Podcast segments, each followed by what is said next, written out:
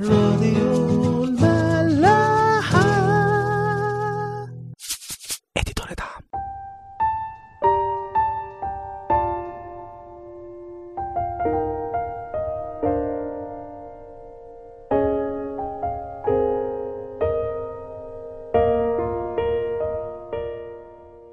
مساء الخير واهلا بيكم في حلقة جديدة من عيش وملح. مكملين مع بعض سفر نحاميه وكنا خلصنا آخر مرة الاصحاح الأول من السفر واللي كان حكالنا عن الأخبار اللي جات لنحاميه عن أورشليم. هي إنهم عايشين في شر عظيم وعار وده بسبب إن أسوار المدينة متهدمة والأبواب محروقة. وشفنا كان إيه رد فعله بعدها؟ إنه بكى وصام وصلى لأيام كتيرة يعني ما كانش بان لسه هم قد إيه. واتكلمنا عن مراحل الصلاة دي. في الأول إعلان الإيمان بربنا وبعدين الاعتراف بالخطية وبعدين طلب الرحمة وتحقيق وعود ربنا. لحد آخر حاجة هي طلب الحكمة من ربنا إنه يكون معاه في خطوته اللي جاية. والخطوة دي اللي هي كلامه مع الملك. نحمية وهو كان ساقي للملك فكان ليه تعامل قريب معاه. بس مهما كان القرب ده نحامية طلب حكمة ربنا في كلامه. عشان ما تكونش أي حاجة من عنده أو من دماغه هو إنما بإرشاد ربنا. خلونا بقى نكمل مع بعض ونشوف هيحصل دعم. سفر نحامية الإصحاح التاني من أول عدد. وفي شهر نيسان في السنة العشرين لأرتحشست الملك كانت خمر أمامه. فحملت الخمر وأعطيت الملك ولم أكن قبل مكمدا أمامه. مكمدا يعني متقدر أو متضايق قوي قبل ما نكمل بقى في حاجة يعني ممكن تكون عدت علينا كده وهي هتشرح لنا بقى حاجات كتير. إننا لو قارنا المدة الزمنية ما بين بداية صلاته وما بين مقابلته للملك يعني زي ما شفنا من شهر كسلو لحد شهر نيسان هنلاقيها حوالي أربع شهور. بمعنى إن الصلاة اللي في الإصحاح اللي فات ده ما كانتش يوم ولا اتنين ولا أسبوع ولا اتنين لا أربع شهور نحامية حزين وبيصوم وبيصلي من أجل بلده أورشليم. ما نسيش الموضوع ما قالش خلاص كده أنا عملت اللي عليا. ما فقدش إيمانه في رحمة ربنا وفي أمانته وفي وعوده. لا فضل زي ما هو. دي كانت من أهم النقط اللي اتقالت في حلقات صلاة نحامية إنه معنى إنه في وعد يبقى لازم يكون في وقت وانتظار لتحقيق الوعد ده. لأنه ببساطة معنى إني بوعد حد بحاجة إني مش هعملها دلوقتي. لا كمان شوية. بس بيبقى أهم حاجة إنك تصدقني وتفضل مستني لحد ما عاملها في الوقت المناسب. نحاميه بالرغم إنه كان شخص عادي زينا بس بدون دعوة خاصة من ربنا بدون ظهورات أو معجزات أو علامات آمن بالوعد ومسك فيه وفضل مستنيه. في عبرانيين 11 صح الإيمان يقول لنا كده في عدد 13 عن انتظار ولاد ربنا للمواعيد. يقول كده بل من بعيد نظروها نظروا الوعود يعني وصدقوها وحيوها. ده بالظبط اللي كان فيه نحامية. بتهيألي ده الفرق الجوهري يعني ما بيننا وما بين الناس دي كلها. كلنا غالبا مؤمنين بسلطان ربنا وبمحبته وبصلاحه بس بنيجي عند المواعيد وبنزهق. لا ادينا الحاجة دلوقتي ولو ما جاتش نزعل بقى وندبدب في الأرض زي العيال. وبعدين نفكنا من الوعود والانتظار ونروح بقى نتصرف بدماغنا. لحد بقى ربنا يفرجها.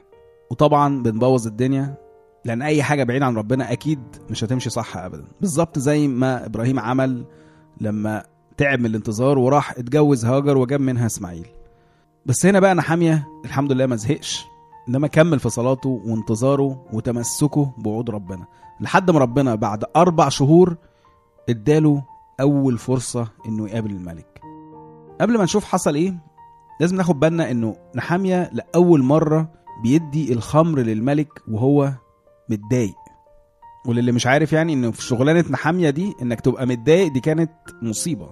لأنه أنت يا إما بتسد نفس الملك يا إما عامل مصيبة والخمرة دي مثلا مسمومة فمتوتر.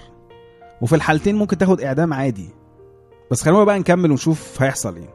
فقال لي الملك لماذا وجهك مكمد وأنت خير مريض؟ أنت ليه عامل كده؟ وأنت مش عيان. ما هذا إلا كآبة قلب. الملك عشان برضه فاهم نحامية وطول عمره معاه فعرف إن المضايقة دي جاية من جوه قوي. طبعا نحامية لما بيشوف إن الملك أخد باله بيخاف جدا بيقولون كده فخفت كثيرا جدا. لأنه دي حاجة كبيرة قوي إن الملك العظيم ده ملك فارس من أكبر الممالك في الوقت ده بيسأل الساقي بتاعه مالك زعلان ليه؟ وزي ما قلنا إن الزعل ده كان مؤشر مش تمام خالص في شغلانة نحامية. بس رد بقى على الملك وقال له كده وقلت للملك ليحيا الملك إلى الأبد فكيف لا يكمد وجهي والمدينة بيت مقابر أبائي خراب وأبوابها قد أكلتها النار. فقال لي الملك ماذا طالب أنت؟ فصليت إلى إله السماء. تخيلوا ده مش بس بيصلي قبل ما يروح للملك لا كمان وهو بيكلم الملك. ومعنى إنه نحامية ذاكرة كده إنها بالنسبة له ما كانتش حاجة كده على الماشي مش لازمة مثلا بيقولها في النص يا رب ارشد ولا ارحمني ولا يا ساتر استر يا رب. لا دي صلاة حقيقية.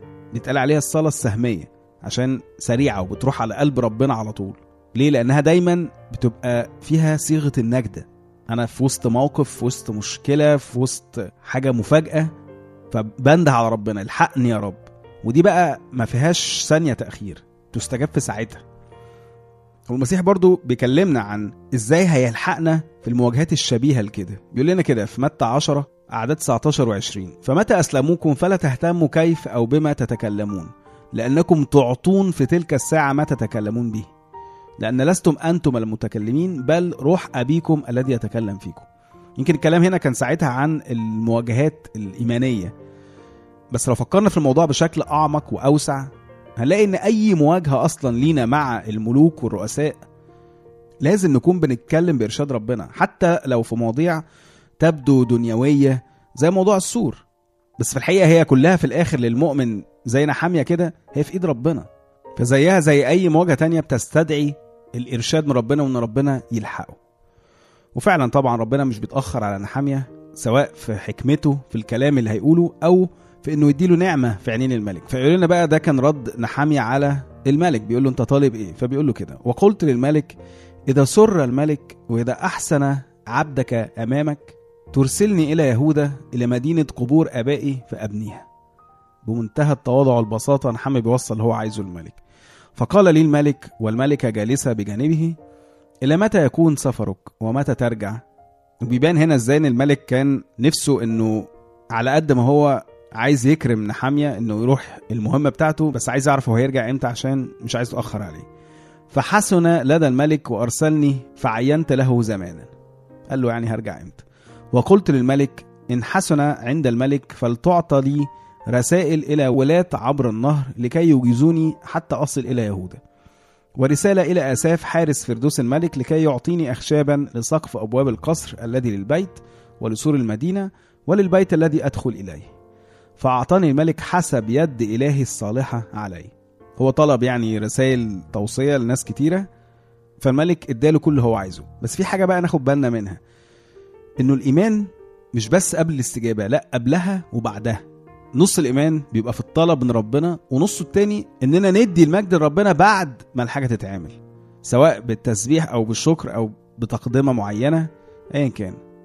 بس كل ده بيعني إننا مامنين إن ربنا هو اللي عمل الحاجة دي. لأن دي كتير قوي بتبقى مشكلتنا إن إحنا نطلب من ربنا جامد قوي لحاجة معينة وبعدين بعد ما تتعمل غالبا ما بنربطش خالص إن ربنا اللي عملها. بننسى إنها ما جاتش صدفة ما جاتش بسبب حكمتي أو تعبي أو شطارتي إنما إنها جت بنعمة ربنا ورحمته عليا. فأوعى الشيطان يخدعك في أي وقت. ويفهمك إن أي حاجة بتاخدها أصلا في الحياة هي بسبب حاجة أنت عملتها. داود يقول كده في أخبار أيام أول 29 14 لأن منك الجميع ومن يدك أعطيناك. كل اللي عندنا ده هو بتاعك أصلا. إحنا مش بنديلك حاجة من عندنا من جوانا يعني. أنت اللي مدينا كل ده وإحنا بنديهولك تاني. فأي حاجة عندنا هي من ربنا. أي حاجة بتحصل لنا هي من ربنا. حد يسأل بقى طب يبقى إيه لازمة إننا نبذل اي مجهود؟ آه ده بقى علشان الأمانة في الوكالة اللي ربنا استأمني عليها. إني أذاكر أو إني أشتغل أو إني أعمل أي حاجة. دي للأمانة. ايا كان بقى المقابل هيكون إيه؟ ده في علم الغيب. ويوم ما ناخد أي حاجة على طول بدون شك أو تردد لازم نرمي المجد على ربنا. لأنه ده حقيقي فعلا. إحنا لو بناخد اللي إحنا نستاهله كان زماننا فانينا من زمان. إنما إحنا معتمدين تماما على رحمة ربنا. وعشان كده نحاميه كان شايف الرحمة والنعمة دول بدون أي شك وده اللي خلاه على طول يعلن إنه اللي حصل له ده كان من إيد ربنا الصالحه مش من كرم الملك أو حكمته هو نفسه.